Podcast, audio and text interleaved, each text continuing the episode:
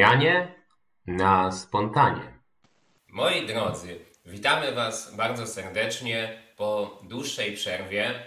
która wynikała z tego, że jak to często wspominamy, jesteśmy praktykami rozwoju osobistego, więc mamy też dużo swoich projektów. Skupiamy się na tym, żeby wyuczone zasady z rozwoju osobistego przede wszystkim praktykować.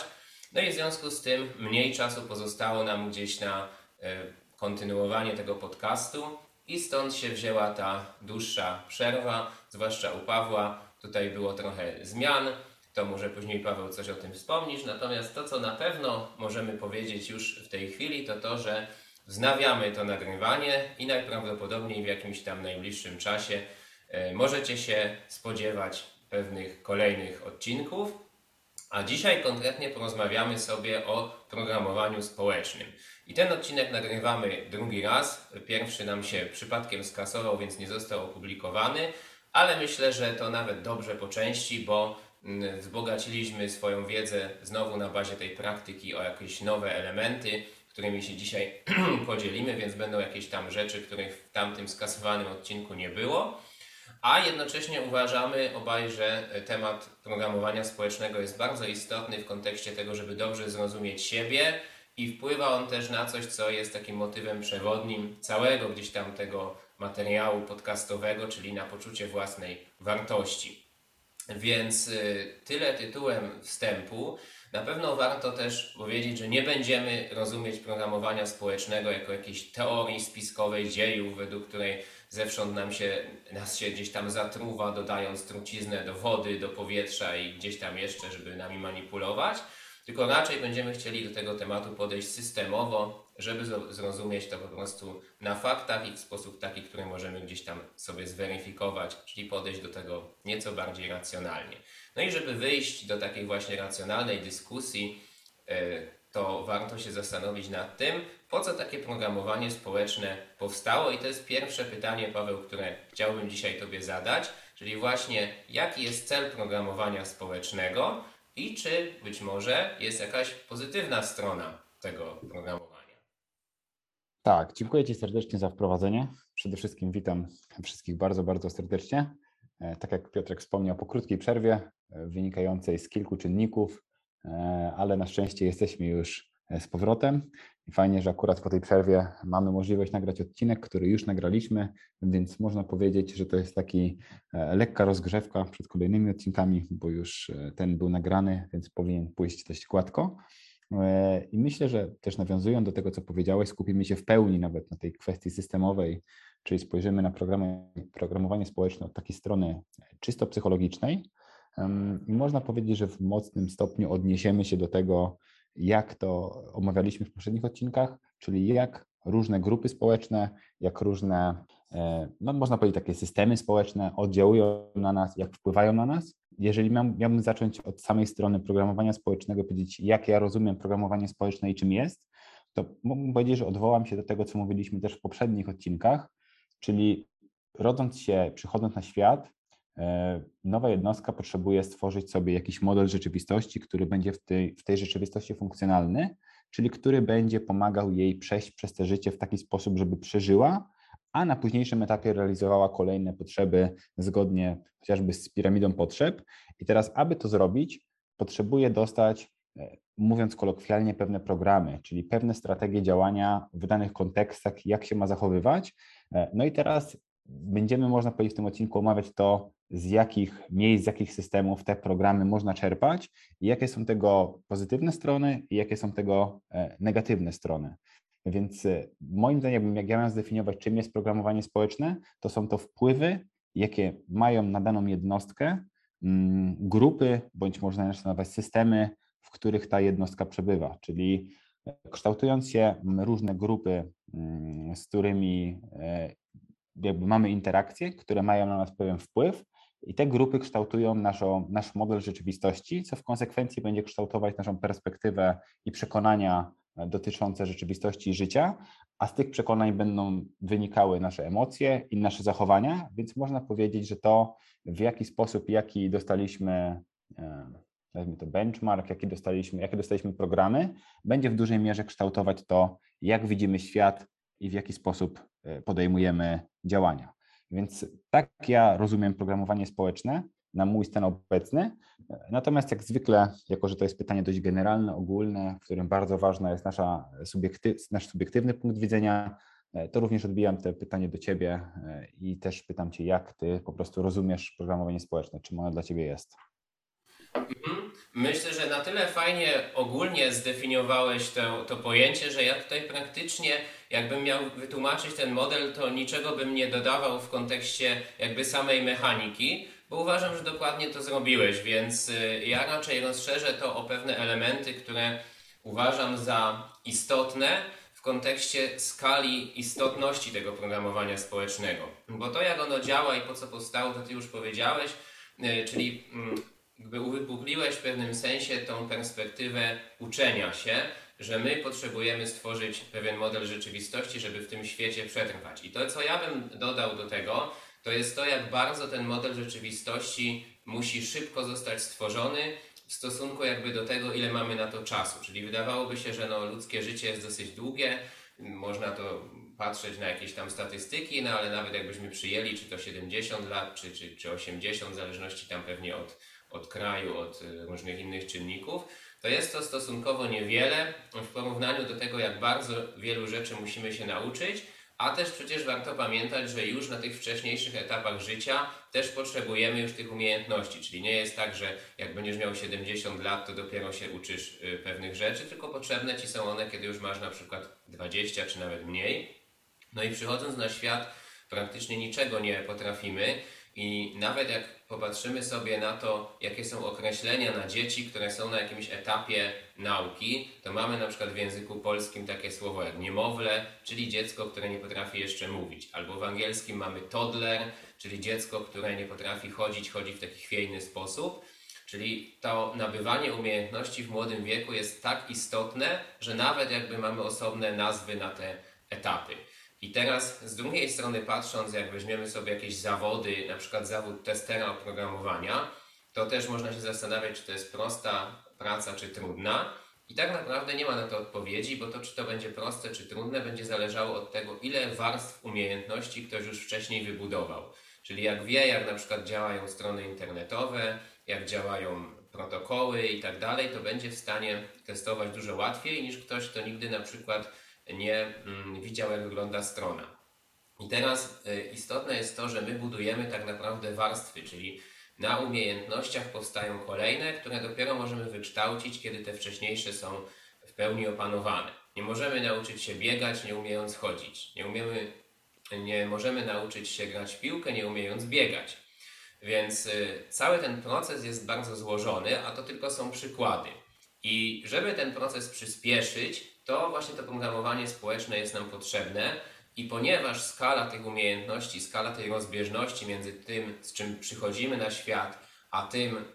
co jest nam potrzebne do jakiegoś mm, godnego życia, no jest ogromna, tak? Ta rozbieżność jest ogromna, więc to programowanie społeczne będzie miało na nas bardzo duży wpływ, żeby przyspieszyć tą naukę i to jest jak gdyby ta dobra strona. Natomiast strona zła jest taka, że my wiele tych rzeczy bierzemy nieświadomie, no bo na tym to właśnie polega, że żeby oszczędzić nam zasoby kognitywne, no to uczymy się nieświadomie i przyjmujemy również te rzeczy, które niekoniecznie są dla nas korzystne, a które na przykład są wzorcami z rodziny, ze szkoły, z różnych innych, jak Ty to powiedziałeś, grup czy systemów. No i e, nie, niekoniecznie nam to później służy i zadanie, które tutaj można by było wykonać, czy które należy tak naprawdę do rozwoju osobistego, to jest dostosowanie później tego modelu rzeczywistości, które jakby z definicji tego, że to programowanie społeczne jest w jakimś stopniu uproszczone, no też będzie niedokładne. Także ja bym to w taki sposób e, opisał. I wydaje mi się, że żeby dobrze zrobić właśnie tą całą robotę tutaj w kontekście rozpisania jakby, czy, czy rozgraniczenia tych różnych grup, to warto by się było zastanowić, jakich graczy mamy w ogóle tutaj na planszy. I ja na przykład widzę, że na pewno takimi istotnymi systemami są rodzina, e, są e, szkoły, do których chodzimy, są media, czy to głównego nurtu, czy coraz bardziej modne media społecznościowe, a także w pewnym sensie rozwój osobisty i wszystkie inne grupy, do których należymy. I to, co proponuję zrobić, i, i za chwilę oddam Ci y, już głos, to po prostu te grupy po kolei omówić, tak? W ten sposób, żebyśmy mogli y, zobaczyć, jak każda z tych grup na nas wpływa i co jakby może mm, nam robić dobrego, ale ewentualnie też co może się dziać złego. Także ja zacząłbym może y, tutaj od rodziny, od rodziny i pytanie, które bym Tobie zadał jakby na starcie, no to jest właśnie to, w jaki sposób uważasz, że wpływa y, na nas system rodzinny. Super. Dzięki za bardzo fajne dopełnienie e, tej wypowiedzi, którą zacząłem. E, I też jeszcze chciałbym tak wspomnieć, że to, co jeszcze ja bym tego odmienił, to właśnie tak jak wspominaliśmy, programowanie społeczne ma na celu po części przystosować nas do życia w społeczeństwie, bo to jest dość istotne, że człowiek jako taka jednostka ewolucyjna jest raczej uwarunkowany do tego, żeby żyć w grupach, żeby nie być samotnikiem i tak jakby ewolucja nas ukształtowała, że zaspokojenie naszych potrzeb jest e, po prostu efektem tego, że działamy w pewnych grupach, a nie jesteśmy indywidualistami. I teraz, tak jak Piotrek powiedziałeś, e, jest kilka grup, takich można powiedzieć fundamentalnych, przez które mm, potencjalnie około 95% społeczeństwa przejdzie. Czyli można powiedzieć, że na pewnym etapie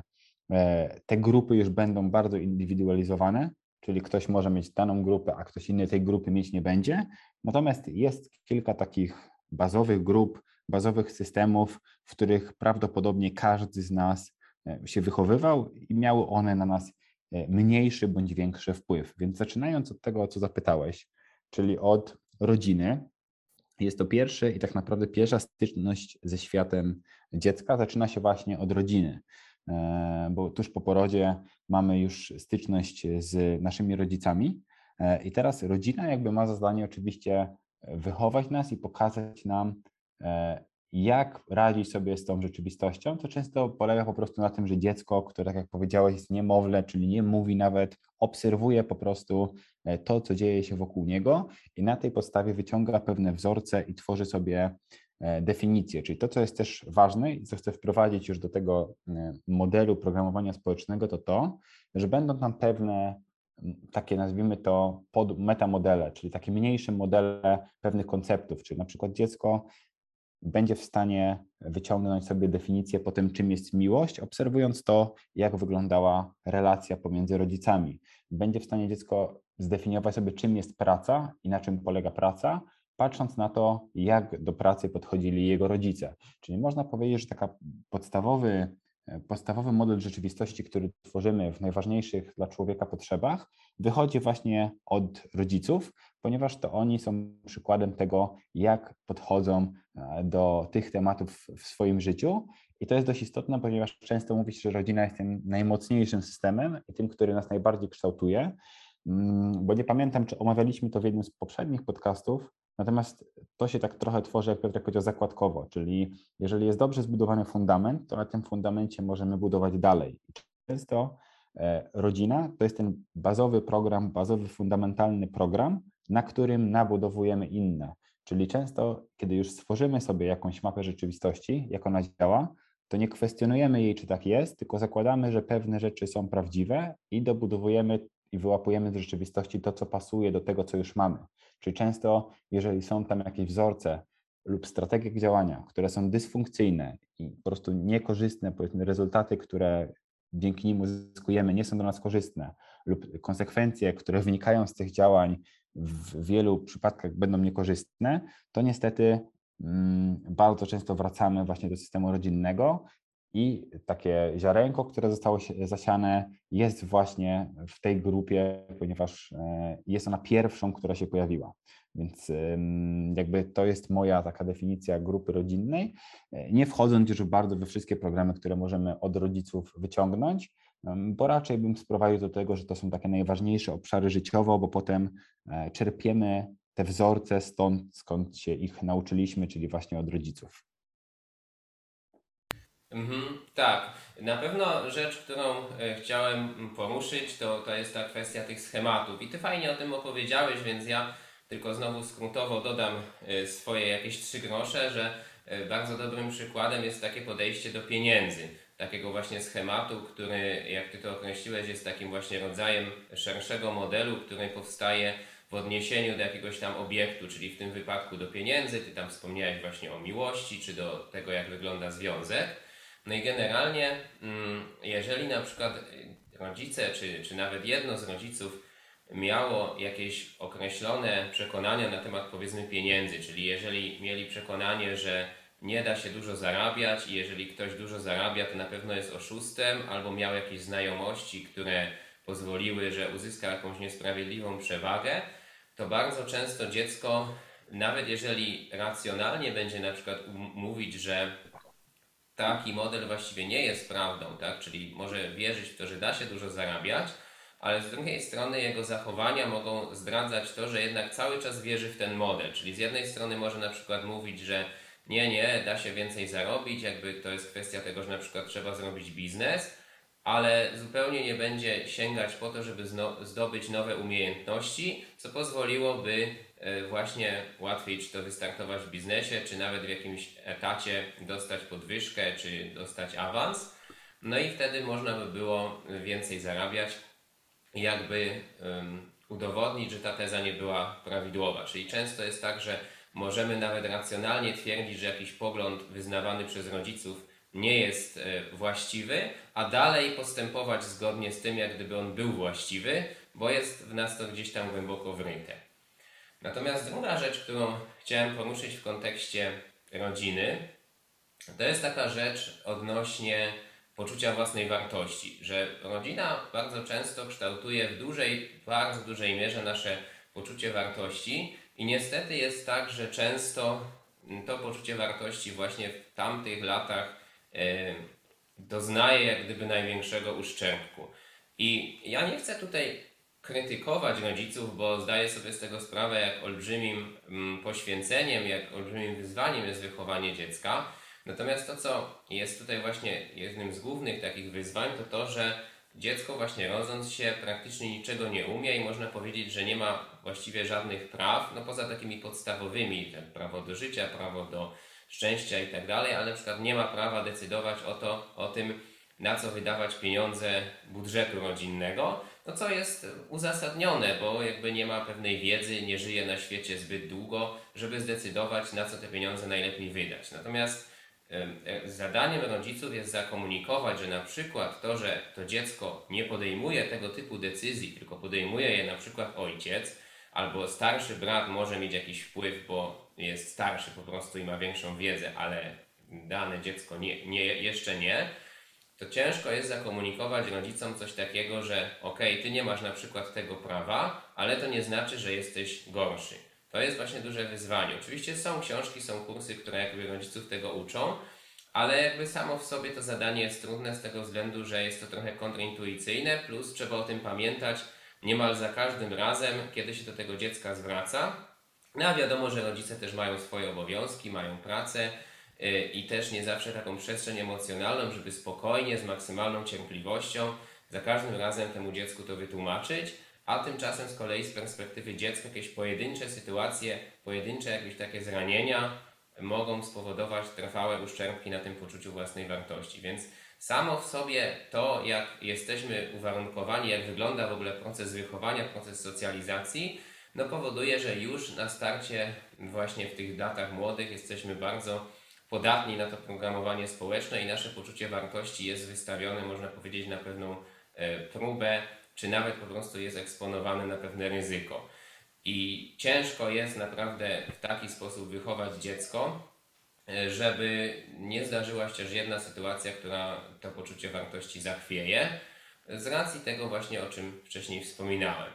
Także na pewno to jest e, istotna kwestia. No i też jak patrzy się czasami, e, widzi się różne sceny, chociażby w mieście, czy gdzieś tam, nie wiem, w tramwaju, czy na ulicy, jak rodzice odzywają się do swoich dzieci, no to widać, że no bardzo często zapominają gdzieś tam o tej zasadzie i komunikują się w taki sposób, jakby oczekiwali od dziecka pełnej racjonalności, gdy to dziecko ma na przykład 7 czy 8 lat, a jednocześnie, jeżeli tej pełnej racjonalności to dziecko nie wykazuje, no to oni doklejają do tego pewne mm, jak gdyby łatki czy pewne wnioski, które sugerują, że z tym dzieckiem jest coś nie tak. No i oczywiście to dziecko te łatki bardzo. Yy, jakby e, może nie tyle chętnie, ale mm, w sposób taki bezkrytyczny przyjmuje, no bo też y, taka jest jego perspektywa i rodzice są jakby jedynym źródłem informacji o, o samym tym dziecku. Więc tak uważam, jeżeli chodzi o, o kwestię właśnie rodziny. No i myślę, że jakby kolejnym, kolejnym, kolejną grupą, kolejnym systemem jest szkoła, także możemy tutaj o tym powiedzieć.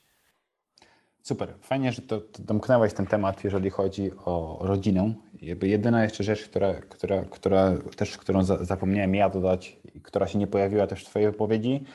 to dla mnie jest trochę takie wyrozumiałość pod tym kątem, że między innymi po to nagrywamy te podcasty, żeby edukować, żeby dawać taką wiedzę, która nie jest, można powiedzieć, powszechnie dostępna, czyli nie uczy się tego właśnie w szkole, o której za chwilę powiem. E, I nie jest to coś dostępnego i często patrząc na to, jak zmieniły się czasy, jak zmieniły się mm, generacje tutaj ludzkości i nasze pokolenia, można powiedzieć, że teraz jest to już wiedza bardziej dostępna, czyli jeżeli ktoś, to, kto chce, to sobie tą wiedzę znajdzie. Natomiast nasi rodzice nie byli edukowani już kompletnie w tym temacie, więc z mojej strony jest też taka wyrozumiałość, że często po prostu używali strategii, które były najlepsze według nich, które, które były najlepsze, jakie znali. Więc nie było kiedyś edukacji pod tym kątem, żeby optymalizować swoje strategie działania, żeby myśleć inaczej, tylko robiło się szczególnie w Polsce to, co jest funkcjonalne. Dopiero te nowe pokolenia patrzą na co inaczej, więc to tylko tak tytułem wstępu, że to nie jest tak, że ktoś, zazwyczaj nawet się mówi, że ludzie mają po prostu zawsze z założenia dobre intencje, Natomiast ich strategia działania nie jest koniecznie najlepsza, ponieważ wynika to z tego, że nie znają innej strategii działania, więc jest to też proces właśnie edukacji e, zarówno dzieci, jak i samych siebie, czyli dorosłych pod kątem tego, żeby te strategie zmieniać. Natomiast przechodząc już do kolejnego tematu, żeby nie ciągnąć tam tego zbyt długo, kolejnym systemem bądź grupą, e, która ma bardzo duże oddziaływanie na większość z nas jest szkoła. E, ponieważ do szkoły trafiamy też dość szybko, na dość wczesnym etapie naszego rozwoju, w wieku chyba 7 lat się idzie już do szkoły, często są jeszcze szkoły przedszkolne, czyli w wieku 5-4 lat już trafiamy i tam zazwyczaj pojawiają się pierwsze interakcje z grupą, czyli również budujemy, tak jak wspomniałeś, nasze poczucie wartości na podstawie tego, jak, jakie mamy interakcje z innymi dziećmi w naszej grupie, lecz również pojawia się szereg takich wdruków i wpływów, jak kształtuje nas szkoła. Czyli przede wszystkim e, są tam pewne takie mocne przekonania, które można wyciągnąć ze szkoły, chociażby to, że trzeba wpasowywać się w jakieś wzorce. Czyli zazwyczaj w szkole jest tak, że nauczyciel ma jakąś, jakiś idealny przykład, jak trzeba odpowiadać na pytania, lub jest jakaś idealna formuła, jak powinno to wyglądać, i szkoła bardzo często uczy nas chociażby tego, że jest jedna idealna odpowiedź. Jeżeli będziemy się wpasowywać w to, co ktoś od nas oczekuje, to będziemy dostawać w szkole dobre oceny, co na wyższym poziomie może się przekładać chociażby na sukces. Czyli, żeby osiągnąć sukces, wystarczy wpasować się w czyjeś oczekiwania, a niestety to przekonanie w wielu kontekstach życiowych będzie całkowicie dysfunkcyjne, bo po pierwsze, e, całkowicie odcina możliwość autonomicznego myślenia, czyli nie stymuluje do myślenia i szukania nowych rozwiązań, a chociażby z perspektywy przedsiębiorczości większość pomysłów jest po prostu tym, że ktoś zrobił coś, czego brakowało obecnie na świecie lub zrobił coś innego, bo zobaczył, że to ma inną wartość. Mm, I dwa, uczy również tego, że jest pewna statusowość, czyli e, uczy tego, że na przykład osoby, które mają lepsze, dobre oceny, są lepiej postrzegane niż te, które mają złe oceny, lub często jest to odwrotnie, że ktoś, kto ma jest takim buntownikiem i nie chce mieć dobrych ocen, e, to jest bardziej lubiane niż osoby, które się dużo uczą. Więc można powiedzieć, że szkoła też kształtuje bardzo mocno nasze spojrzenie na rzeczywistość e, i niestety jest tam bardzo, bardzo wiele błędnych wzorców, które wpływają na to, że potem postrzegamy i działamy w tej rzeczywistości w taki, a nie inny sposób, a ten sposób działania niestety większości osób nie będzie przynosił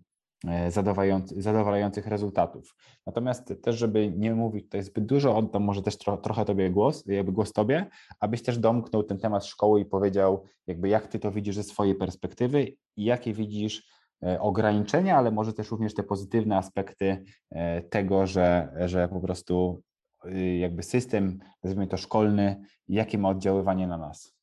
Znaczy, prawdę mówiąc, to ciężko mi jakieś takie pozytywne wskazać. Znaczy, pewnie są to takie elementy, że uczymy się jakichś tam mm, elementów wiedzy, które wykorzystamy później. i że są tam nauczyciele, którzy zostali specjalnie do tego wykształceni, żeby przekazywać tą wiedzę, bo często, żeby być takim nauczycielem, to trzeba nie tylko mieć wiedzę w jakiejś domenie, której się uczy, ale trzeba skończyć dydaktykę, więc no, w jakimś stopniu nauczyciele są przygotowani do tego, żeby uczyć. E, jest to miejsce, w którym teoretycznie powinniśmy zdobywać praktyczną wiedzę do e, życia, ale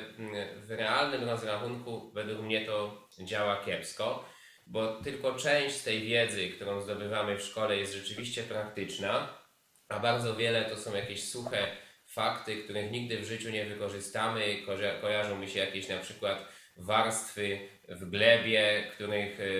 nazwy są od jakichś geografów, geologów, którzy to odkryli, czy jakieś elementy, jakiś stłubia, pamiętam, była taka na biologii, jakie, jakie komórki, tkanki ma ta stłubia, gdzie prawdopodobnie większość z nas nigdy w życiu nie widziała w ogóle stłubi. I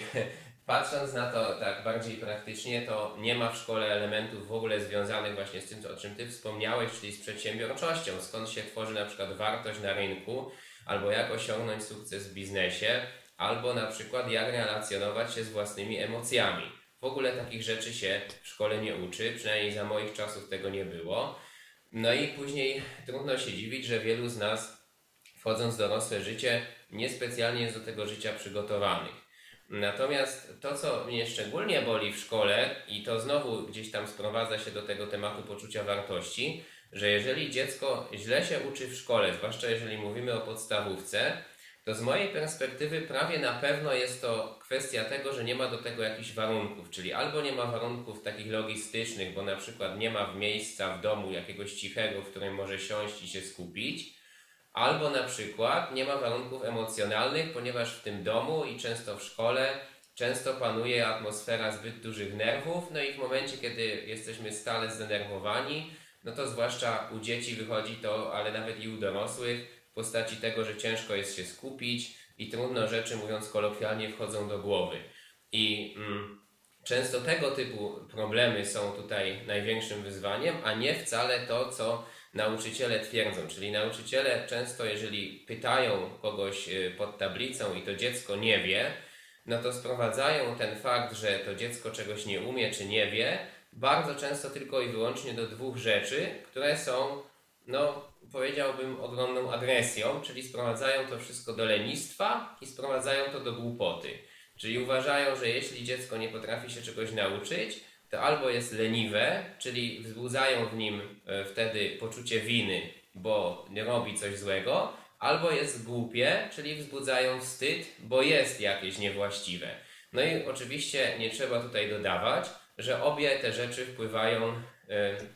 makabrycznie na poczucie własnej wartości. Jeszcze powodują taką spiralę w dół, ponieważ im bardziej dziecko uwierzy, że coś jest z nim nie tak, tym trudniej jest mu się skupić i uwierzyć we własną skuteczność w nauce, więc tym gorsze jeszcze ma wyniki i tym więcej słyszy znowu kolejnych takich rzeczy, które tworzą taką samopotwierdzającą się przepowiednię. Co jeszcze w przypadku umiejętności ścisłych, takich jak fizyka czy matematyka, tworzą pewien dług, ponieważ im więcej się rzeczy nie nauczymy w pierwszych klasach, tym trudniej jest załapać to w klasach kolejnych, ponieważ to są już umiejętności na umiejętnościach, na umiejętnościach. No i jeżeli ten dług się nagromadzi, no to tak naprawdę przez e, kilka lat ktoś może się, się znaleźć jakby w bardzo trudnej sytuacji i co gorsze, wszystko to zostanie przypisane jakby temu, że on jest w jakiś sposób niewłaściwy lub postępuje w zły sposób, a wszystko często ma swoje korzenie w tym, że gdzieś tam na początku nie było warunków do tego, żeby się uczyć. I na czubek tego wszystkiego jeszcze dochodzą metodyki, które są w tej szkole stosowane, gdzie ja podam taki konkretny przykład, żeby każdy z słuchaczy gdzieś tam mógł się do tego odnieść, że ja pamiętam e, w czwartej chyba klasie w podstawówce była taka sytuacja, że pani z biologii no nie w zbyt y, jasny i klarowny sposób zakomunikowała, co jest do zrobienia jako zadanie domowe, czego efektem było to, że na 30 bodajże dwie osoby, ile mieliśmy wtedy, jak dobrze pamiętam, w klasie, 14 osób nie zrobiło tego zadania i nie wyciągnęła z tego wniosku, że być może trzeba się w takim razie lepiej komunikować, bo, bo za dużo dzieci tego nie zrozumiało, tylko wyciągnęła wszystkim e, zeszyty ćwiczeń, w których miały być te zadania zrobione i do dzisiaj to pamiętam, bo ja też tego zadania nie zrobiłem. E, to wzięła czerwony długopis, e, gdzie wielokrotnie nam wtłuczono do głowy w podstawówce, że nie wolno po zeszytach ćwiczeń pisać długopisem, tylko zawsze ołówkiem, a ona czerwonym długopisem pokreklała po tym, po tym zeszycie ćwiczeń i napisała zdanie, wysmarowała tam olbrzymie dwa znaki zapytania wielkości całej strony i napisała obok brak pracy jedynka. I takich rzeczy zrobiła 14 w naszej klasie, aż doprowadziło to do jakiejś tam sytuacji, że gdzieś tam rodzice zaczęli się zmawiać, bo dla wielu dzieci była to jakaś, jakiś rodzaj traumy. I, i ważne jest to, że Piotrek, który ma ponad 30 lat i ten, który do Was teraz mówi, wyciągnąłby z tego co najwyżej wniosek, że pani z biologii ma problem ze sobą, albo pani z biologii ma problem z komunikowaniem pewnych rzeczy. Natomiast niestety Piotrek, który miał 10 lat, no wyciągnął wniosek, że to on coś zrobił strasznego. I takich przykładów myślę, że jest więcej. Każdy gdzieś tam w swoim życiu jest w stanie się do tego odnieść. Jak bardzo te metodyki, takie właśnie statusowe rzeczy, gdzie nauczyciel coś może, a uczeń nie, albo uczeń jest wyciągany na środek i publicznie kompromitowany, no, wpływają w sposób tragiczny na to, kim się stajemy później i, i niszczą nie tylko nasze poczucie wa wartości, ale bardzo często poczucie w ogóle tego, że jesteśmy w stanie się czegoś nauczyć i, i zaburzają też taką wewnętrzną harmonię i poczucie szczęścia. Więc no niestety y, trudno mi jest w tej szkole się doszukać czegoś y, pozytywnego, E, ale może mam jakiś skrzywiony obraz, także wyprowadź mnie z błędu, jeśli się mylę. Tak, bardzo fajny przykład, ten, który podałeś, jeżeli chodzi o, o to, jakby Piotrek dzisiejszy zrozumiał to, co Piotrek z tamtego czasu nie, czego mógł nie zrozumieć, bo brakowało mu jeszcze modelu i był tak naprawdę zamknięty. No ja z tej wypowiedzi wypisałem sobie pięć takich największych wniosków, żeby też to szybko podsumować, bo to są bardzo szerokie tematy i tak naprawdę moglibyśmy o nich rozmawiać bardzo, bardzo długo. Więc to, co widzę, jeżeli chodzi o szkołę, e, gdzie są podstawowe problemy, to przede wszystkim widzę to w, w tym, że jest brak stymulowania do szukania rozwiązań, e, a jest jakby ocenianie e, i wymaganie tego, żeby ktoś wpasował się w jakiś model, czyli nawet jeżeli ktoś popełnił błąd, to nie uczy się go tego, gdzie może zdobyć wiedzę, gdzie może zdobyć wskazówki, gdzie może E, poprawić swoją strategię, aby następnym razem to zrobić, tylko oceniacie go jako kogoś złego, przez co przypisuje mu się pewną łatkę, a ta łatka, tak jak powiedziałeś, zapętla się do tego, że potem e, nie podejmujemy działania, bo ktoś na przykład wyciągnie sobie wniosek, jestem beznadziejny, jestem głupi, e, nie mam umiejętności uczenia się, nie jestem w stanie się tego nauczyć, to jest jakby staje się po części taką samą spełniającą przepowiednię. Bo jeżeli wierzymy w to, że tacy jesteśmy, to sprowadzi się do tego, że nie będziemy podejmować nawet działań, żeby sobie z tym poradzić. Więc pierwszy problem, który widzę,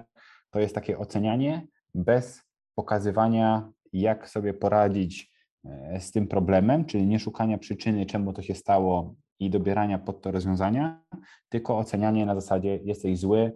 i, i, etykietkowanie. To jest pierwszy problem, który widzę, co oczywiście będzie też skutkował w drugim, w drugi sposób, czyli bardzo duży, mm, bardzo mocne przekonanie i bardzo duży problem z edukacją, czyli niechęć do edukowania się, ponieważ dla wielu osób, jak z nimi rozmawiam, edukacja kojarzy się ze szkołą, a szkoła kojarzy się z czymś nieprzyjemnym, że to było nudne, te lekcje były nieciekawe, brakowało tam właśnie metodologii uczenia e, i przez to wiele osób nie chce się uczyć, bo uważa, że uczenie się to jest nudne i tak to pamięta po prostu z dzieciństwa,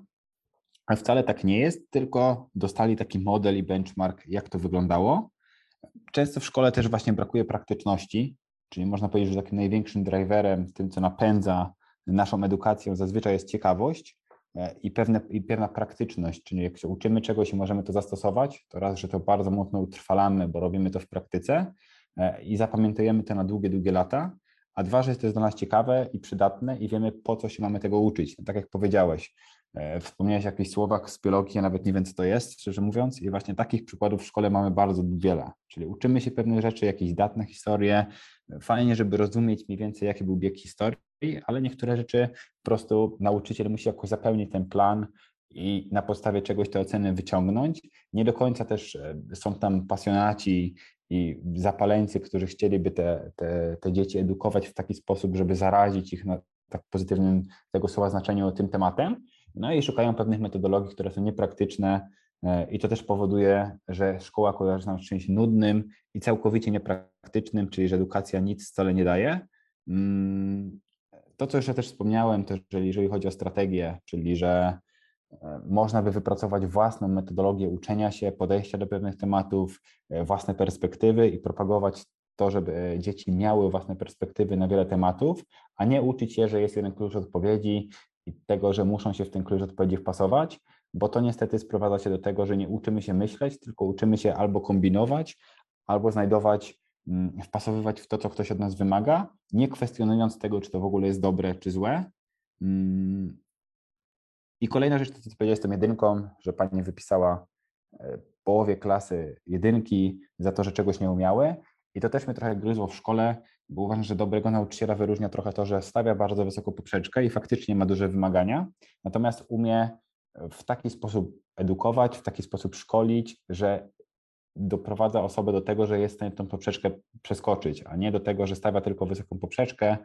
ma duże wymagania, ale absolutnie nie dostarcza metodologii, żeby to zrobić, bo Oczywiście z jednej strony też miałem nauczycieli, którzy nie wymagali nic i potrafili wpisać dobre oceny za nic. To uważam, że też niedobre bo uczy kogoś, że sukces, nazwijmy to, przychodzi za darmo, czyli nie trzeba mieć żadnej dyscypliny, nie trzeba włożyć w to żadnej pracy, żeby e, dostać na przykład dobrą ocenę. E, natomiast po przeciwnym równaniu są osoby, które wymagały bardzo dużo, kompletnie nie umiejąc uczyć i przygotować do tego, żeby z tymi wymaganiami się zmierzyć. Więc ja uważam, że tutaj dobrym podejściem było połączenie obu tych rzeczy, czyli z jednej strony stawianie ambitnych celów, które wymagają wysiłku, żeby je zrealizować, ale żeby one były realne i żeby była metodologia, w jaki sposób e, te cele realizować. Mm, natomiast też, jeżeli chcesz dodać jeszcze do szkoły, to też zostawiać na to miejsce. Natomiast jeżeli nie, to możemy przejść do kolejnej grupy takiej dużej, która tutaj się pojawia, czyli możemy przejść do wpływów, jakie mają na nas, można powiedzieć, media, mainstream, e, popkultura, to już e, you name it jak chcesz sobie to nazwij. Natomiast y, myślę, że to jest też temat, który warto tutaj omówić, no chyba, że chcesz jeszcze coś dodać do tej szkoły, którą teraz omawialiśmy. Mhm.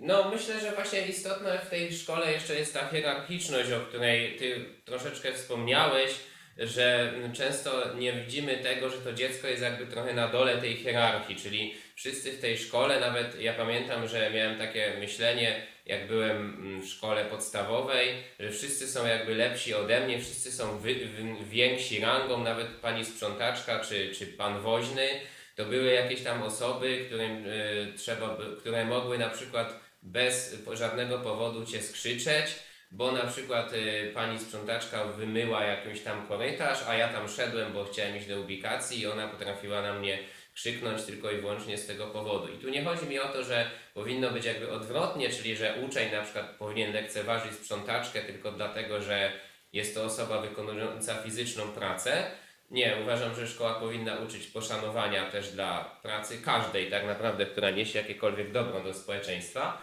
Natomiast e, nie powinno być też tak, że każdy w tej szkole oprócz dziecka może jakby sobie pozwolić na bezkarne E, darcie się i, i tak naprawdę agresję, bo trzeba to nazwać agresją e, na, na dzieciach, bo rzekomo dzieci są niegrzeczne i tym, że dziecko zrobiło coś rzekomo niezgodnego z zasadami, uprawnia te wszystkie osoby do stosowania agresji. To też jest rzecz, której tutaj chciałem się stanowczo sprzeciwić. Natomiast jeżeli chodzi o media, to jak najbardziej tutaj istotna sprawa jest, jest taka, że E, trzeba zdawać sobie sprawę, że media nie są od tego, żeby nas rzetelnie informować. To znaczy, idealnie by było, gdyby tak to działało, ale mm, żaden z nurtów takich głównych, czy żaden twórca treści na telewizji, czy, czy, czy tam nawet jakichś takich głównych portalach internetowych, nie jest wynagradzany za to, E, czy wiedza, którą przekazuje jest rzetelna, czy nie, tylko jest wynagradzany poprzez kliknięcia, poprzez pieniądze z reklam i tak dalej, e, za to, ile osób na przykład coś tam odtworzy, ile napisze komentarzy, jak długo mm, wyświetla dany filmik i tak dalej, i tak dalej. A nie tak naprawdę za to, czy to jest rzetelne. I jeżeli na przykład popatrzymy sobie na wiadomości, no to jak popatrzymy na przykład na wiadomości, polecam zrobić sobie kiedyś e, taki eksperyment, obejrzeć wiadomości z tego samego dnia, na przykład w telewizji Republika i w Superstacji, gdzie są to zupełnie skrajne nurty, jeden jest mocno prawicowy, drugi jest lewicowy, no i porównać sobie te same wydarzenia i narracje zbudowane wokół nich. To jest, będzie bardzo fajna lekcja. Można oczywiście wziąć inne, ja tu podałem tylko takie przykłady, ale jakby, żeby to były nurty skrajne. Albo na przykład wziąć jakąś gazetę e, prokatolicką i jakąś gazetę, e, która jest e, krytyczna w stosunku do Kościoła i zobaczyć, jakie są tam narracje. Także to jeśli chodzi o wiadomości. No, warto też powiedzieć o programach rozrywkowych i to jest ciekawa rzecz, którą dzisiaj nawet się o tym dowiedziałem, oglądając jakiś filmik też w ramach przygotowań do tego podcastu, że bardzo często tak się dzieje, że w takich mm, serialach czy filmach dla nastolatków tak naprawdę rolę tych nastolatków odgrywają już pełnoletni aktorzy, którzy mają bardziej dorosłe postawy, sylwetki, często twarze. I to jest coś, co pamiętam, że mnie bardzo jakoś tak dotykało, że jak ja oglądałem filmy dla młodzieży, mając na przykład właśnie 12-14 lat, zawsze miałem wrażenie, że moi rówieśnicy w tych filmach są jakcyś ode mnie więksi, wyżsi, poważniej wyglądający a y, taka informacja dla naszych słuchaczy, ja mam 1,90 m wzrostu, więc no y, trochę to jest y, dziwne, że zawsze przez takie rzeczy wydawało mi się, że jestem jakiś za mały w stosunku do, do rówieśników. A potem się okazuje, że właśnie no, często odgrywają to rolę albo dzieci bardzo nad wiek jakieś wyrośnięte w stosunku do swojego wieku właśnie, y, aha, albo nawet wręcz po prostu starsze osoby, E, odgrywają rolę młodszych e, w filmie, żeby wyglądać na jakby bardziej lepiej zbudowanych. E, I to jest tylko taki przykład bardzo prosty, gdzie ten właśnie wyznacznik statusu w szkole często w młodych latach to jest właśnie wzrost czy, czy wielkość, mówiąc kolokwialnie. Ale no właśnie takie rzeczy się stosuje, tworząc takie nadmierne wymagania w stosunku do siebie dla dzieci, które potem chciałyby szybko urosnąć albo nabrać jakiejś masy tężyzny fizycznej, co oczywiście idzie w sprzeczności do ich prawidłowego rozwoju i zaburza często hormonalnie cały układ, jakby cały organizm w gruncie rzeczy, bo to na różne układy wpływa. E, no i to programowanie społeczne tutaj robi bardzo złą robotę. No a co gorsze się dzieje, i to z kolei mówią psychologowie dziecięcy, że często nawet już y, małym dzieciom w tej chwili daje się jakieś tablety czy, czy jakieś urządzenia, tam też lecą różne bajki, które e, czasami są tak skonstruowane, jedna pani psycholog ostatnio o tym mówiła, że takie bajki dla dzieci zawierają bardzo często bardzo dużo jakichś takich e, dźwięków w tle, które udowodniono poprzez badania neuronalne, że powodują hamowanie rozwoju kory przedczołowej, czyli to jest e, element mózgu, który odpowiada za samodyscyplinę i koncentrację. No i konsekwencje tego są bardzo poważne, a tymczasem coraz młodsze dzieci już z takich bajek korzystają. E, więc to programowanie społeczne, no można powiedzieć, sięga bardzo, bardzo daleko i często jeszcze samo jak gdyby siebie broni, czyli są jakieś społeczne mity i seriale, które pokazują z jednej strony często właśnie takich, jak mówię, trochę herosów, ale z drugiej strony pokazują, że to są przecież tacy ludzie jak ty, więc ty powinieneś taki być i stosować te same zasady pokazują, że jeśli nie będziesz stosować pewnych zasad, czyli na przykład nie będziesz miał firmowych ciuchów albo przestrzegać jakichś tam mm, zasad na podwórku i będziesz chciał się wyłamać, no to poniesiesz surową karę, bo nikt nie będzie chciał się z tobą kumplować. Co oczywiście jest bzdurą, bo dużym elementem, który o tym decyduje, jest poczucie własnej wartości, no ale nie jest to, nazwijmy to sexy, więc takich rzeczy się w telewizji nie pokazuje, tylko pokazuje się powtarzanie społecznych szkodliwych mitów. Super, dzięki za tą wypowiedź. Bardzo dużo tematów poruszyłeś, więc ja może też, żeby nie powielać, domknę jakąś taką tą wypowiedź Twoją, swoją perspektywą, tym, co jeszcze, co jeszcze ja bym e, do tego dodał. Hmm, myślę, że temat, który, który jak, to, jak, ja, jak patrzę na media i w ogóle na tą całą, nazwijmy to popkulturę, to rzecz, która, którą widzę, albo nazwijmy to ten nurt kapitalistyczny, który zakłada w swoim założeniu wzrost, czyli że ciągle trzeba wzrost, rosnąć, czyli żeby rosnąć, trzeba pozyskiwać zasoby, czyli zasoby to na przykład pieniądze. I to prowadzi trochę do tego, że media stały się też takim tworem, którego celem jest to, żeby sprzedawać ludziom wiele konceptów, wiele rzeczy, ponieważ jeżeli oni będą je kupować, e, to dane koncerny, dane firmy będą na tym po prostu zarabiać, bo tak działa biznes. I często to, co widzę, to nawet ryzyko takie właśnie tego programowania medialnego jest to, że jeżeli nie mamy dobrze ukształtowanej osobowości, czyli takiego mocnego ja, nazwijmy zdrowego ja, bo mocne to też się może źle kojarzyć, nazwijmy to zdrowym ja, czyli jeżeli nie mamy zdrowego ja, które wie, czego chce i nie ma dobrze zdefiniowanych konceptów, czyli chociażby to, co się robi w rozwoju osobistym, czyli definiujemy, czym dla nas jest szczęście, co dla nas znaczą pieniądze, czym dla nas jest miłość, czym dla nas jest relacyjność, jak widzimy związek, to bardzo często jesteśmy narażeni na to, że media, używając swoich, swojej siły przekazu, będą nam wygrywać pewne wzorce, jak to powinno wyglądać. Czyli będą nam mówić, czym jest ideał mężczyzny, czym jest ideał kobiety, czym jest świetna relacja, co to znaczy być fajny, czym jest sukces, jak rozumieć ten sukces i oczywiście będą stawiać w te koncepcje produkty, które mają do zaoferowania. Czyli na przykład pojawia się to, że,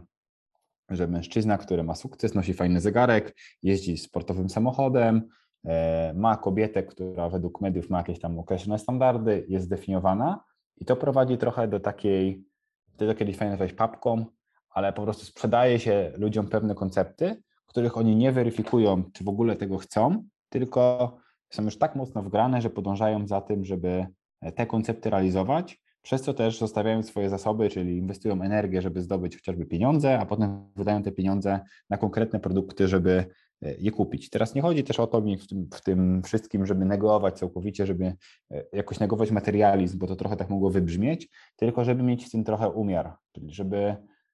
rozumieć, jaki jest silny przekaz mediowy i że on nie jest też jakby nakierowany na to, tak jak ty powiedziałeś, że z jednej strony, że same media już sobie informacyjne nie mają na celu tego, żeby przynajmniej już w dzisiejszych czasach, żeby nas tylko i wyłącznie informować, tylko przedstawiają tak rzeczywistość albo często z, z, przeinterpretowują tą rzeczywistość, zniekształcają ją w taki sposób, żeby ona wyzwalała jak najwięcej emocji, bo dzięki temu są w stanie generować różne kliki i generować zasięgi. I to prowadzi do tego, że zarabia się na tym pieniądze. Więc jednak bardzo często ten cel kapitalistyczny, czyli finansowy, stoi ponad celem takiej rzetelności dziennikarskiej e, i rzetelności swojej pracy, żeby dbać o to, żeby te informacje były sprawdzone, tylko dba się raczej o to, żeby jak najwięcej sprzedawać. I teraz takie media, jeżeli rozumiemy to w kontekście gazet, E, wiadomości jakichś mediowych to jest jedna część, ale druga cały biznes komercyjny, który w trakcie tego się pojawia, czyli chociażby biznes reklamy, którego celem jest właśnie to, co powiedziałem przed chwilą, czyli żeby sprzedawać na pewne koncepty i żeby ludzie za pomocą tych konceptów de definiowali swoją definicję sukcesu lub swoją definicję jakichś obszarów, które są dla nich w życiu ważne, bo to powoduje do tego, że zostawiają tam po prostu masę swoich pieniędzy e, i jakby napędzają ten cały, ten cały biznes. Więc uważam, że to jest bardzo mm, takie triki, takie bardzo niebezpieczne. I mało kto, jakby zazwyczaj to działa w taki sposób, że jeżeli nie mamy świadomego celu w naszym życiu, wizji, to po prostu kupujemy wizję, którą się nam sprzedaje na zewnątrz. Czyli właśnie media, uważam, z tych wszystkich grup e, właśnie tą funkcję pełnią głównie. Czyli o ile jeszcze można powiedzieć, że w szkole e, jest to raczej brak świadomości nauczycieli, brak metodologii uczenia, brak zrozumienia psychologii i tego, jak dane podejście do y, dziecka wpływa potem na jego psychikę i na jego decyzje w przyszłości. Tak o ile w rodzinie można powiedzieć, że też jest to raczej taki schemat podświadomy, czyli nie zawsze rodzice są świadomi tego, co robią, robią to intuicyjnie, robią to, co uważają za słuszne. Tak uważam, że media są to bardzo mm, zaplanowane działania przez bardzo świadomych ludzi, którzy rozumieją, że ich celem jest zarabianie pieniędzy i tak opakowywanie tego i promowanie tego, żeby po prostu te swoje cele realizować. Tak, fajnie to powiedziałeś odnośnie tego rozgraniczenia, że, y, że rzeczywiście w rodzinie na pewno i po części również w szkole jednak ta intencja jest dobra i tutaj co najwyżej można by było um, oskarżyć, jeśli tak można powiedzieć, tych ludzi o pewien grzech zaniechania. O tyle już w przypadku mediów jest to jakby celowe działanie, żeby osiągnąć pewien rezultat sprzedażowy. Y, natomiast można to też ująć, y, i mi się to tak kojarzy właśnie w nieco inny sposób, czyli tak, że e, ponieważ właśnie rodzina i szkoła mm, e, spowodują, że ten system jest jakby nieszczelny w pewnym stopniu, bo wychodzimy z e, tamtych miejsc jak gdyby z pewnymi lukami czy pewnymi podatnościami, jeśli tak to można ująć, w poczuciu własnej wartości i poczuciu tego, kim jesteśmy, czego potrzebujemy, to później jakby idziemy trochę tak jakby na wojnę z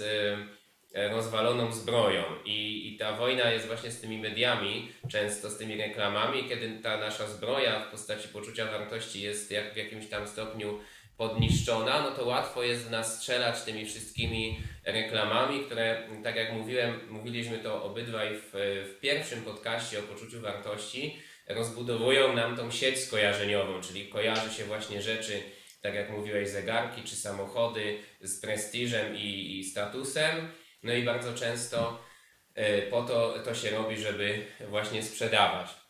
Natomiast to, co też widzę w kontekście sprzedaży i myślę, że to płynnie gdzieś tam pozwoli nam przejść do kolejnego medium, czyli jakby do kolejnej grupy w programowaniu społecznym, a tutaj, tutaj mam na myśli media społecznościowe, no to też ja ostatnio sobie kupiłem taki kurs na temat rozwoju kanału na YouTubie, bo też rozwijam swój kanał na YouTubie. No i mm, wnioski, jakie tam były, to były takie, że idealny w ogóle widz YouTube'a z perspektywy samego algorytmu, czyli algorytm będzie wynagradzał takich e, twórców, którzy w taki sposób zaprojektują swoje kanały, aby widz kompulsyjnie oglądał. Czyli kompulsyjnie to jest na zasadzie takiej, że bez umiaru po prostu obejrzał jeden filmik i natychmiast klikał drugi i jakby jak na i dłużej zostawał na tym e, portalu, no bo też wtedy obejrzy statystycznie najwięcej reklam. No i e, warto tutaj zauważyć, że e, zachęca się wręcz twórców e, tą, tą metodą do tego, żeby tworzyli treści, które będą w jakimś tam stopniu uzależniały, bo tak naprawdę no, takie oglądanie YouTube'a bez opamiętania, bez końca, nawet jeżeli to są treści rozwojowe, jest to w jakiś tam stopniu związane z y, uświadamianiem siebie, też wcale nie jest dobre, bo nasz umysł posiada jakąś tam zdolność do tego, żeby przetwarzać dane i zbyt dużo tak naprawdę wcale nie znaczy lepiej, a często znaczy wręcz przeciwnie, właśnie gorzej, bo niewiele z tego zastosujemy. Niemniej właśnie portale społecznościowe skłaniają do tego, żeby tak kompulsyjnie oglądać, tak jakbyśmy oglądali pięć odcinków serialu naraz. No i tak samo, jeżeli patrzymy sobie na media społecznościowe, które często podpisują kontrakty z różnymi influencerami, to też często sprowadza się to do tego, żeby ludzie kompulsyjnie kupowali różne rzeczy, czyli na przykład jakiejś tam firmie, która sprzedaje, dajmy na to jakieś odżywki i suplementy, nie będzie zależało za bardzo na tym, żeby ktoś e, korzystał z takiej odżywki, zbudował odpowiednią sylwetkę i był z tego powodu szczęśliwy, tylko raczej będzie zależało na tym, żeby kompulsyjnie objadał się odżywką bez względu na to, na co to tak naprawdę dalej wpłynie i ewentualnie jak jego jelita przestaną dobrze funkcjonować, to żeby kupił jeszcze dodatkowy suplement, który też jest y, przez nich produkowany. Więc nie zależy im tak naprawdę na szczęściu tego klienta, tylko na liczbie sprzedanych produktów. I znowu no nie chodzi mi o to, żeby tutaj to krytykować, bo każdy też, albo przynajmniej jakoś piętnować bardzo, bo każdy też klient jest odpowiedzialny za to, y, co kupuje i na co można powiedzieć głosuje swoimi pieniędzmi. Ale jeśli chodzi o media społecznościowe, no to tak to jest właśnie robione, czyli jest szerzona jakby taka idea kompulsyjnego klienta i ten cały konsumpcjonizm, przeciwko któremu w dużej mierze gdzieś tam się e, ludzie zaczynają buntować, bierze się właśnie z takiego kompulsyjnego kupowania, czyli idealny klient to nie jest klient, który jest szczęśliwy, bo szczęśliwy człowiek nie robi niczego kompulsyjnie, tylko jest taki, który odczuwa brak. Bo istotą, tą, e, tym motorem napędowym, paliwem do tego kompulsyjnego kupowania jest poczucie braku. Jeżeli ten brak zostanie wypełniony przez na przykład zbudowanie zdrowego poczucia wartości albo określenie swojej misji życiowej, no to wtedy ta kompulsyjność minie. Więc w pewnym sensie można powiedzieć, że nikomu nie jest to na rękę, żebyś ty był szczęśliwy. Może poza twoimi rodzicami, bliskimi, ale na pewno nie jest to zadaniem e, mediów, e, ani głównego nurtu, ani społecznościowym. Tak, no na pewno nie, nie jest ich celem, żeby był szczęśliwy w kontekście takim, żeby był niezależny od czynników zewnętrznych. Czyli powiedzmy, że już o ile skrajną taką definicję konsumpcjonizmu podałbym, żeby ktoś uzależnia całkowicie swój, swój stan emocjonalny, prawie tak się czuje od tego, na jakim poziomie jest jego konsumpcjonizm, na jakim poziomie jest jego materializm. Tak opozycyjnie bym powiedział taki stan duchowy, który jest praktycznie nieosiągalny dla osób tutaj, które nie wiem, nie chcę też wchodzić w jakie definicje, ale załóżmy, że jest nieosiągalny, to stan taki, że nasze szczęście opieramy w pełni na, na, na tym, co jest wewnątrz nas i na doświadczeniu, to uważam, że właśnie, żeby pilnować tego zdrowego balansu i uważam, że właśnie rozwój osobisty jest takim idealnym sweet spotem, takim złotym środkiem, który łączy trochę te dwie rzeczy, czyli nie negujemy materializmu, uważamy, że on jest dobry, ale z drugiej strony też często zachęca się w rozwoju osobistym do tego, żeby samodzielnie definiować swoje definicje sukcesu i różnych innych konceptów, bo to właśnie między innymi zabezpiecza trochę to, żeby nie wpadać w tą pęd i, i, i, kupowanie rzeczy, których tak naprawdę nie potrzebujemy, tylko dlatego, że nie zdefiniowaliśmy sobie pewnych konceptów i odpalają nam się emocje, które napędzają nas do tego, żeby to robić. Ja jeszcze, żeby dokończyć temat y, tego, mm, tych mediów, to powiem taką jeszcze ważną rzecz z mojej perspektywy, co chciałbym, żeby nie umknęło. Także jeszcze to tak może poza kolejnością trochę dodać, że często te media społecznościowe to są tak naprawdę jakieś konta konkretnych osób, które my śledzimy i y, właściwie cała ich siła na tym polega, że obserwujemy jakieś konta i często im więcej y, followerów ktoś ma, tak naprawdę tym więcej czasu poświęca na to, żeby takie konto otworzyć, często nawet inwestuje w to pieniądze, żeby na przykład prowadzić profesjonalne sesje zdjęciowe, czy też wyjeżdżać w jakieś miejsca tylko i wyłącznie po to, żeby tam nagrać filmik albo zrobić zdjęcia. Więc y, ludzie, którzy mają takie kanały i z tego żyją, tak naprawdę poświęcają bardzo dużo czasu, żeby w określony sposób wyglądać albo coś konkretnego robić i tam pokazać. A tymczasem przekaz, jaki idzie, to jest trochę na zasadzie y, ten, kogo obserwujesz, jest trochę takim jakby tobą, kimś takim jak ty. I, I tutaj warto sobie uświadomić, że tak nie jest, że może jakby pod wieloma względami jesteśmy ludźmi i gdzieś tam mamy pewne wspólne cechy, ale nie można się porównywać na przykład w kontekście wyglądu do jakiegoś ulubionego, obserwowanego przez siebie kulturysty albo trenera y, siłowni, a przynajmniej nie oczekiwać takich wyników, bo jeżeli on poświęca całe swoje życie temu, żeby właśnie w określony sposób wyglądać, ma pod to zoptymalizowaną dietę, trening, regenerację, suplementację i wszystko jeszcze inne, a ty na przykład poświęcasz na siłownię godzinę w tygodniu, no to nie ma co oczekiwać, że te rezultaty będą takie same. Więc tutaj też to, co warto by było dać już jako taką pierwszą wskazówkę, to jest właśnie to, żeby uważać na to, jakie lekcje z tego bierzemy. Natomiast to nam płynnie otwiera jakby taki kolejny temat, czyli właśnie te wskazówki. Co możemy robić, żeby to programowanie społeczne jakby na własną rękę weryfikować. I co Tobie, Paweł, właśnie przychodzi do głowy jako takie może rady, które dałbyś naszym słuchaczom, jak już wiemy, z czym się to je, to programowanie społeczne i czym grozi, nazwijmy to, ślepe w niewierzenie, to co można by było zrobić, żeby tych niebezpieczeństw uniknąć i jakieś te, jakoś te rzeczy odwrócić na swoją korzyść. Okej, okay. więc to, co ja bym zrobił, to na pewno zaakceptować to, że ma to na nas wpływ, czyli nie walczyć z tym i jakby standardowy schemat, który jest też często w rozwoju, który się pojawia niezależnie od schematów, jest to schemat, e, można powiedzieć, taki dualny. Dualny mam na myśli, że dwubiegunowy, czyli często jest tak, że e, ktoś przez całe życie podąża za tym programowaniem społecznym i nagle będzie chciał zmienić wszystko, czyli robić na odwrót.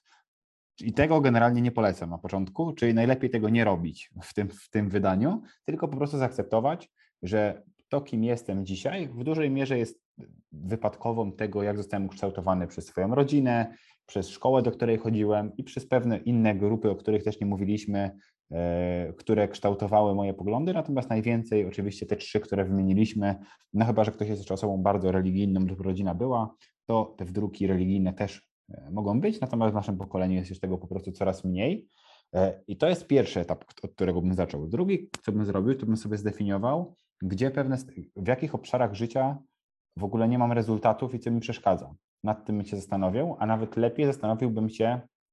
co też mówiłem już w jednym z podcastów, na tym, żeby wyłożyć tą pracę w tak zwany proces świadomego tworzenia siebie, czyli można powiedzieć świadomego planowania tego, gdzie chcę być w przyszłości, jak chcę, żeby wyglądało moje życie, i na tej podstawie sprawdzać, jakie posiadam ograniczające nawet zachowania, strategie, które uniemożliwiają mi dojście e, do tego miejsca. powiedzmy, że dla osób, które siedzą długo w rozwoju, to będzie wykonalne. Dla osób, które dopiero zaczynają w rozwoju, warto skupić się na razie na jednym obszarze, czyli zdefiniować na przykład podejście, nie wiem, do zdrowia, zdefiniować podejście do związków, zdefiniować podejście do pieniędzy i na początku zaczynać praktykować to w jednym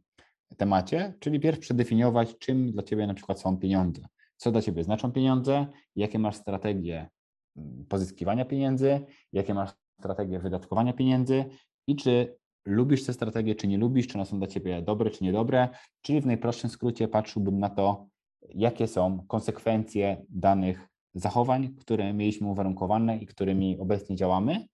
E, I to jest tak naprawdę taka baza, żeby sobie z tym radzić, bo teraz jak wszystko będą pewne plusy i minusy, czyli jeżeli na przykład mieliśmy rodziców, którzy są nie wiem, przedsiębiorczy, to prawdopodobnie niektóre obszary będą u nas bardzo dobrze opanowane, bo mieliśmy od początku wzorce tego, jak na przykład zarządzać czymś, jak zarządzać swoim czasem, jak zarządzać pieniędzmi i tak dalej. Więc jest to bardzo temat indywidualny, w zależności od tego, co chcesz i jakie dostajesz wzorce, trzeba by skonfrontować, czy jest tam jakieś, jakaś przestrzeń e, do optymalizacji i przede wszystkim, nawet jeżeli ktoś już chociażby tego nie zrobił, to mieć świadomość tego, jak duży to ma na nas wpływ i że każda grupa, której, do której przynależymy, ma pewne wartości, ma pewne założenia bazowe i wizję tego, co ma zrobić, żeby się utrzymać, czyli każda grupa dąży do równowagi, tak jak każdy organizm dąży do przetrwania, tak każda grupa, system tworzy do tego, żeby też się utrzymać i mieć świadomość tego, jakie oddziaływanie ta grupa będzie miała na nas jako na jednostkę i czy to jest w ogóle spójne z tym, co my indywidualnie chcemy i też gdzie jest ten złoty środek, żeby nie iść też w pełną indywidualizację, bo to często będzie prowadziło do wielu negatywnych konsekwencji, tylko trochę tym balansować. Więc nie wiem, czy to jest jakoś mega super wytłumaczone, co z tym robić, natomiast starałem się na poziomie takim dość ogólnym e, dać takie swoje wskazówki, jak ja bym do tego podszedł. Mhm. Mnie bardzo się podoba to, co Ty powiedziałeś, tak ze mną to rezonuje i ja bym powiedział podobnie, bo rzeczywiście to, co chciałbym podkreślić, Ty to ująłeś, ale chciałbym może to w jakiś sposób uwypuklić że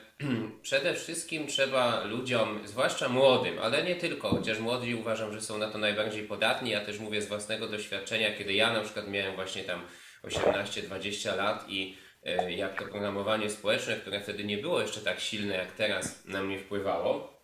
to potrzebowałem przede wszystkim wsparcia.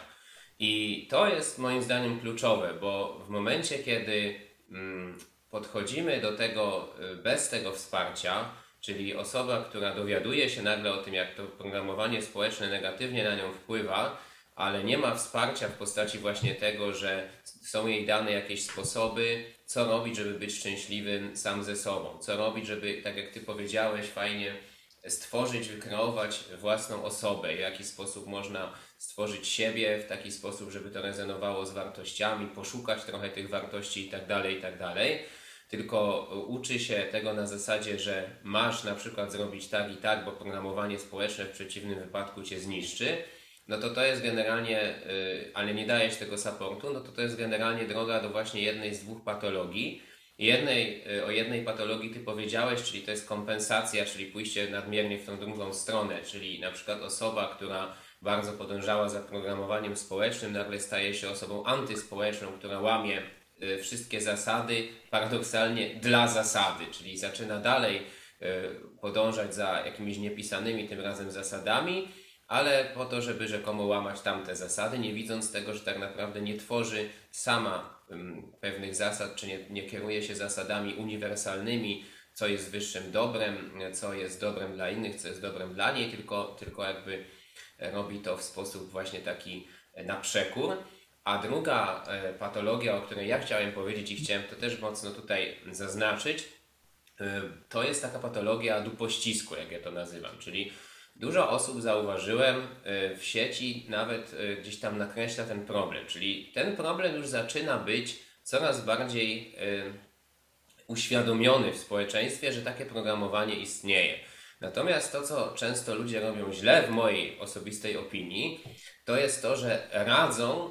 taki dupościsk, czyli na przykład mówią Instagram i media społecznościowe inne mają na ciebie zły wpływ, więc musisz odinstalować Instagrama. Albo masz na przykład nie oglądać w ogóle telewizji, albo na przykład jeżeli y, chcesz jakiegoś tam statusu pojawia się w tobie chęć bycia na przykład przewodnikiem stada, albo pojawia się w tobie na przykład nawet pożądanie, to musisz to stłumić, nie czuć tego, bo to jest rozbudzane przez programowanie społeczne w tobie i ty musisz walczyć z tymi instynktami za pomocą takiego dupościsku i to wszystko w sobie tłumić. I to jest moim zdaniem bardzo złe. Dlaczego tak jest? No dlatego, że jakby to pokazuje, y, to jeszcze bardziej zaburza kontakt nawet z takim właśnie powiedzmy nastolatkiem, który poszukuje tego rozwiązania, z takim, nie wiem, osiemnastolatkiem czy dwudziestolatkiem, który ma te problemy z poczuciem wartości, y, którego przyczyną jest właśnie programowanie społeczne, jedną z wielu, ale jedną z głównych, no to y, co taki komunikat psychologa robi? Pokazuje mu, że musisz znowu zrezygnować z siebie, znowu zrezygnować ze szczęścia, znowu, znowu się ścisnąć wewnętrznie, znowu jakieś ochłapy szczęścia, które ci jeszcze na tym świecie zostały, też porzucić, żeby uniknąć jakichś tam e, niebezpieczeństw, o których psycholog ci właśnie powiedział. No i pierwszy, pierwsza myśl, pierwszy odruch takiej osoby, która to słyszy, no to jest y, pokazanie gestu Kozakiewicza takiemu psychologowi i cała jego później robota jest niestety na marne, a często jest to dobra praca, bo są to osoby, tak samo trenerzy rozwoju, to też ja nie chcę tutaj naznaczać psychologów, z wielu świetnych psychologów, tak samo jak jest wielu słabych trenerów rozwoju, więc to może tutaj różnie być. Natomiast mnie się to kojarzy właśnie z takimi kanałami często psychologii, gdzie e, cała robota bardzo dobra w postaci tego, że ktoś ma jakiś fajny warsztat, fajny model, psychiki, który mógłby ludzi wspierać, idzie na marne, no bo jakby przekaz jest taki, że trzeba się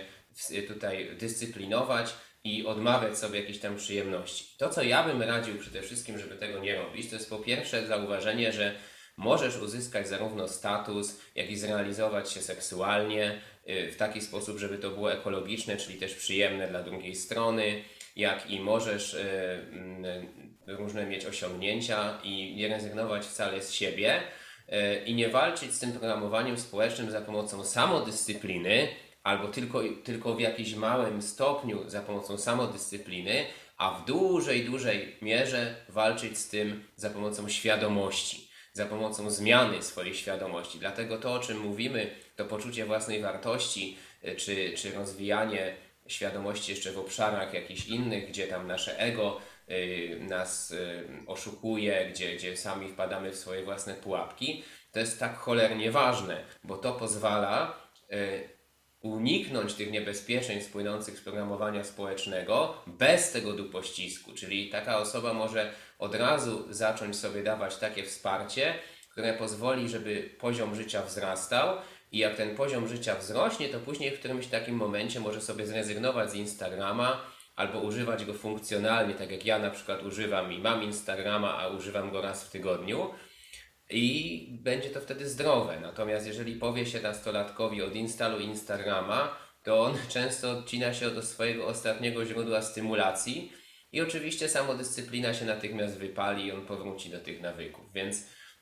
według mnie tutaj może za bardzo nacisnąłem na to, że to jest skierowane do takich młodych ludzi, natomiast uważam, że takie młode osoby są najbardziej gdzieś tam podatne na to, ale może to też dotyczyć osób starszych, totalnie to jest e, możliwe i takie przypadki też gdzieś tam widziałem. Także, także jako podsumowanie tej mojej znowu przydługiej wypowiedzi, to chciałbym po powiedzieć, że świetnie e, jako trenerzy, nawet trochę mówię to i, i, i do nas, żebyśmy o tym pamiętali gdzieś tam w przyszłości, taki mam apel,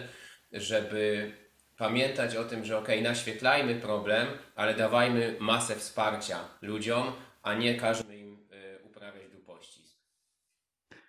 Tak, no, fajnie to podsumowałeś. Jakby też ja widzę jakby problem, który ja widzę dzisiaj w tych, tych młodych pokoleniach, które ty tutaj wymieniłeś, to że zdecydowanie jest przesunięcie trochę znaczenia poszczególnych systemów. Czyli jak ja jeszcze się wychowywałem, to można było powiedzieć, że szkoła i rodzina to były bardzo mocno taki, e, powiedzmy, prym w tym, a media były czymś dodatkowym. Dzisiaj ze względu na to, że technologia rozwija się w bardzo szybkim tempie i już małe dzieci mają dostęp do tabletów, do elektroniki i mogą korzystać z przekazów mediowych, dużo ciężej jest to opanować, bo na bardzo wczesnym etapie swojego rozwoju już mają dostęp e, do jakby programowania, czyli nawet tak nazwijmy to drugorzędnych przekonań, czyli można powiedzieć, że przekonania możemy podzielić na takie, które tworzymy na bazie własnych doświadczeń, czyli dotknąłem czegoś gorącego i już wiem, żeby tego nie dotykać, bo poczułem ból w ciele związany z tym, że to dotknęłem i tak się uczę, powiedzmy, rzeczywistości. Natomiast drugi, jeżeli ktoś z dużym przekonaniem w spójny sposób i ma poparcie pewnej grupy osób, mówi coś do nas, to często też to przechodzi jako prawda absolutna i przechodzi nasze filtry. I tak często działają właśnie te media społecznościowe, nazwijmy to, i wszystkie inne media takie nowoczesne. I to jest bardzo duże ryzyko, że już na wczesnym etapie te dzieci są e, jakby pod wpływem tych mediów i kształtuje się ich światopogląd e, często na bardzo, bardzo wątpliwych wartościach, które o ile można mówić o jakichkolwiek wartościach w takim rozumieniu zdroworozsądkowym. E, to, co też myślę, to też fajnie powiedziałeś, że bardzo mi się podoba, bo ja jednak też jestem od zawsze, już od kiedy rozmawiamy zwolennikiem autentyczności, czyli jednak odkrywania siebie, testowania, sprawdzania, co jest dla nas dobre, czyli nawet tak jak dałem strategię, żeby się zastanowić, jak chcemy, żeby wyglądało nasze życie, z doświadczenia powiem, nie da się tego wymyślić logicznie. Często jest to po prostu wypadkowa tego, że doświadczamy i próbujemy nowych rzeczy i z tych nowych rzeczy, część z tych rzeczy chcemy powtarzać i stwierdzamy, że to jednak jest coś, co lubimy robić w życiu i tak się tworzy siebie, więc ja bym bardzo też zachęcał do tego, żeby dużo eksperymentować i próbować nowych doświadczeń, bo te doświadczenia są dla nas jakąś inspiracją i czymś, co pozwoli nam obrać jakiś kierunek i dać sobie po prostu na to czas, żeby nie robić tego za szybko, a jeszcze nawiązując do tego, tego co ty powiedziałeś, ten dupościsku, podoba mi się też bardzo ten koncept, bo on jest trochę takim konceptem, jak ktoś mi powiedział, że kiedyś, że miłości do samego siebie nie da się forsować, czyli nie da się tego zrobić siłowo. Czyli często jest tak, że jeżeli ktoś na siłę musi sobie dawać jakieś e, rytuały robić, które i mówi sobie dzięki temu, że, że, że po prostu daje miłość do samego siebie, to pytanie, czemu nie zaczyna w ogóle, nie wychodzić z momentu, gdzie to jest czymś naturalnym. Czyli jeżeli teraz musimy się zmuszać do tego, żeby coś robić, to znaczy, że prawdopodobnie w nas jeszcze jest jakaś część, która uważa, że te stare zachowania są dobre lub ich nie opuściliśmy. Często jest tak, że jak puścimy już te stare zachowania i zrozumiemy, z czego oni wynikały, czyli tutaj mamy pytania, po co to robimy i dlaczego tak robimy. Jeżeli dobrze odpowiemy na te pytania, zrozumiemy genezę, skąd te zachowania się wzięły, kto nas tego nauczył i zrozumiemy, że już nie chcemy tak robić i że to była jakieś, jakaś osobowość na wczesnym etapie naszego życia, która stworzyła to zachowanie i może je w tym momencie zmienić, to nie trzeba już wkładać, tak jak powiedziałeś, tej siły woli, tylko większość rzeczy przyjdzie naturalnie, naturalnie, no bo z siłą woli w takich rzeczach jest bardzo podobnie, tak jak powiedziałeś, jak ze wszystkim innym, czyli jeżeli ustalimy sobie zbyt dużo rzeczy, e, to ta siła woli jest skończona, szybko się wypalimy i wrócimy systemowo do tego, co do tej pory znaliśmy, więc jeżeli ktoś nie ma dużego doświadczenia z pracą na takich rzeczach, to ja bym polecił pracę z kimś, kto tą z jednej strony samodyscyplinę wzmocni, ale też będzie ciągle pracować na strategii, optymalizować i robić checkouty, czyli czy to jest jakiś terapeuta czy coach, z którym można porozmawiać i który będzie, powiedzmy, po części podzielimy się tą odpowiedzialnością e, za realizację tego celu. Więc tyle w podsumowaniu, bo trochę długo nam ten podcast dzisiaj wyszedł, mm, więc ja chyba od siebie więcej nie mam, ale jeszcze zostawię miejsce dla Ciebie, jakbyś chciał coś e, dodać. Ja, ja bardzo chętnie dodam, dlatego że mm, podoba mi się ten koncept i też jest to takie z mojej mapy właśnie odnośnie tej miłości do siebie, bo Ty fajnie o tym powiedziałeś, że jeżeli chcemy rozwijać takie pełne życie, pełne satysfakcji i też roztaczać wokół siebie jakąś taką, nazwijmy to nawet aurę, która, aurę autentyczności, która pozwala dawać wartość innym ludziom i czynić ich życie również bardziej spełnionym, to tak naprawdę musimy e, mieć tą miłość do siebie. I teraz programowanie społeczne idzie w kontrze do tego, bo programowanie społeczne, zwłaszcza takie agresywne, komercyjne, gdzieś tam z mediów, e, przebijające z mediów, często właśnie mówi nam, że rozwiązaniem wielu problemów jest agresja. Czyli, że da się rozwiązać problemy za pomocą agresji, czy to na innych ludziach, czy to na jakichś innych firmach, wywierając jakiś, jakąś presję, jakiś wpływ, albo też nawet na, samemu, na samego siebie, gdzie jakiś taki dupościsk yy, nadmierny uważam, że jest też formą autoagresji. I teraz, jeżeli my chcemy się naprawdę wyzwolić z tego programowania społecznego, to nie możemy powtarzać wzorców, na których ono bazuje. Czyli tak jak Ty wspomniałeś o tej papce właśnie, tak jak ja to czasem nazywam, to tak jak ja często mówię, rozwiązaniem problemu nie jest zamiana jednej papki na drugą papkę, a tymczasem jeżeli my byśmy próbowali walczyć z tymi wszystkimi metodami za pomocą nadmiernej samodyscypliny, czyli według mnie autoagresji, no to w tym momencie walczymy właśnie tą bronią tego programowania społecznego z nim samym, czyli próbujemy zamienić jedną papkę na drugą papkę i oczekujemy, że to cokolwiek zmieni w życiu. I dlatego uważam, że to, co trzeba tutaj zrobić, co jest rzeczywistym rozwiązaniem, to jest popatrzeć właśnie głęboko na te swoje potrzeby, bo dużo takich rad gdzieś tam próbuje mężczyznom mówić, szczególnie mężczyznom, ale też może to dotyczyć w jakimś stopniu kobiet. Ja akurat też dużo pracowałem z mężczyznami, czy to na szkoleniach, czy czasami gdzieś tam coachingowo y, i, i stąd znam te perspektywy może trochę lepiej, ale może to, tak jak mówię, dotyczyć y, różnej płci. To jakby uczy się tego trochę y, takiej rezygnacji z tego swojego pragnienia, czyli na przykład rezygnacji z tego, że chcemy sięgać jako faceci po jakiś status, po jakiś prestiż, albo rezygnacji z tego, że na przykład chcemy sięgać po jakieś głębokie połączenie z innymi ludźmi, yy, czy na przykład chcemy się starać o to, żeby mieć atrakcyjną dla siebie partnerkę życiową.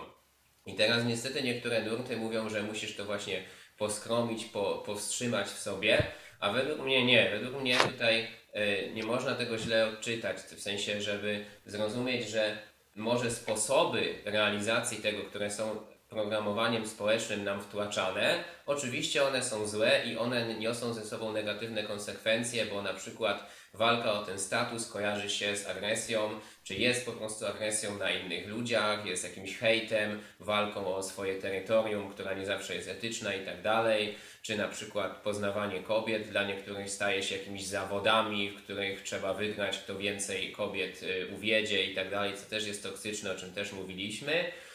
Więc jakby sposoby realizacji tych potrzeb płynące z programowania społecznego są dysfunkcyjne, natomiast same potrzeby są jak najbardziej ok i można to uzyskać w zdrowy sposób. I to jest to, co uważam jest rozwiązaniem, a nie samodyscyplina, czyli pokazanie, że można uzyskać status poprzez zbudowanie umiejętności eksperckiej w jakiejś tam dziedzinie. I to jest tak naprawdę rzecz, która daje mężczyźnie natychmiastowo status. Jeżeli nauczysz się czegoś na poziomie eksperckim i pójdziesz do środowiska, w którym są ludzie skupieni wokół tego, natychmiast dostajesz status. Jeżeli jeszcze jesteś chętny, żeby się dzielić tą wiedzą, natychmiast dostajesz status, natychmiast ludzie za tobą podążają. I tak samo, jeżeli uwolnisz się, i my jesteśmy tego w jakimś stopniu przykładami, bo już to też od wielu lat praktykujemy, od jakichś takich spięć, nawet właśnie czy to poprzez jogę, czy pracę z ciałem, czy medytację, czy pracę też z przekonaniami, od jakichś takich spięć i blokad, które blokują przepływ energii między y, ludźmi i tak naprawdę powodują, że relacje nie mogą być spełnione. Jeżeli tego się pozbędziemy, no to tak naprawdę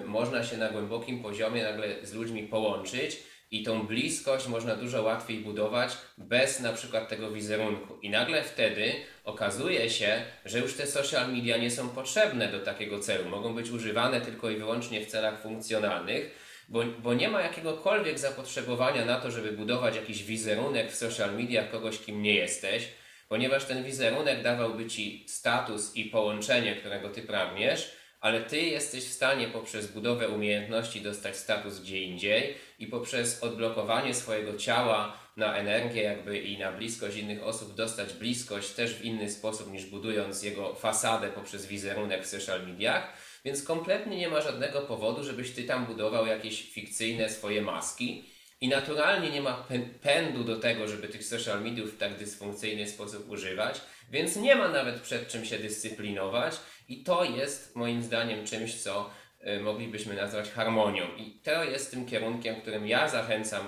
naszych słuchaczy, żeby, żebyśmy szli. I cały podcast, który robimy, jest po części tego manifestacją, bo e, pokazuje różne aspekty życia, które pozwalają nam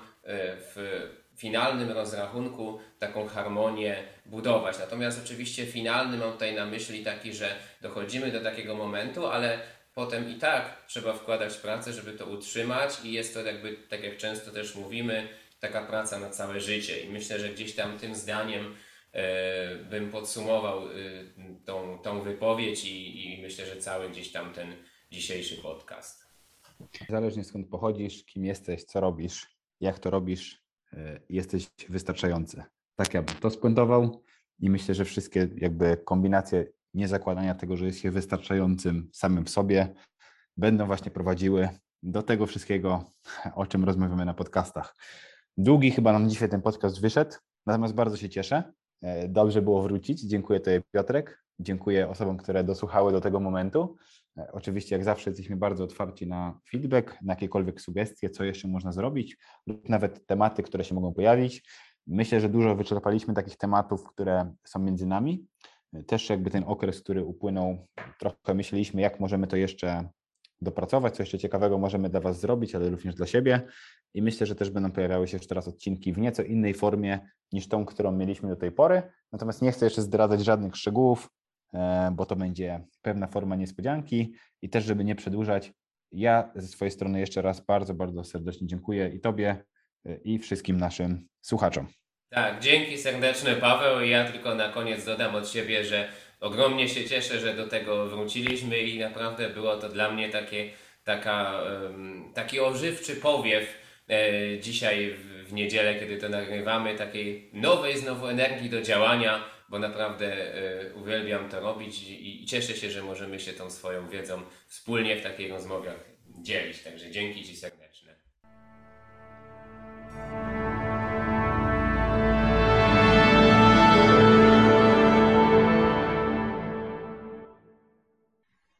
Zmianie na spontanie.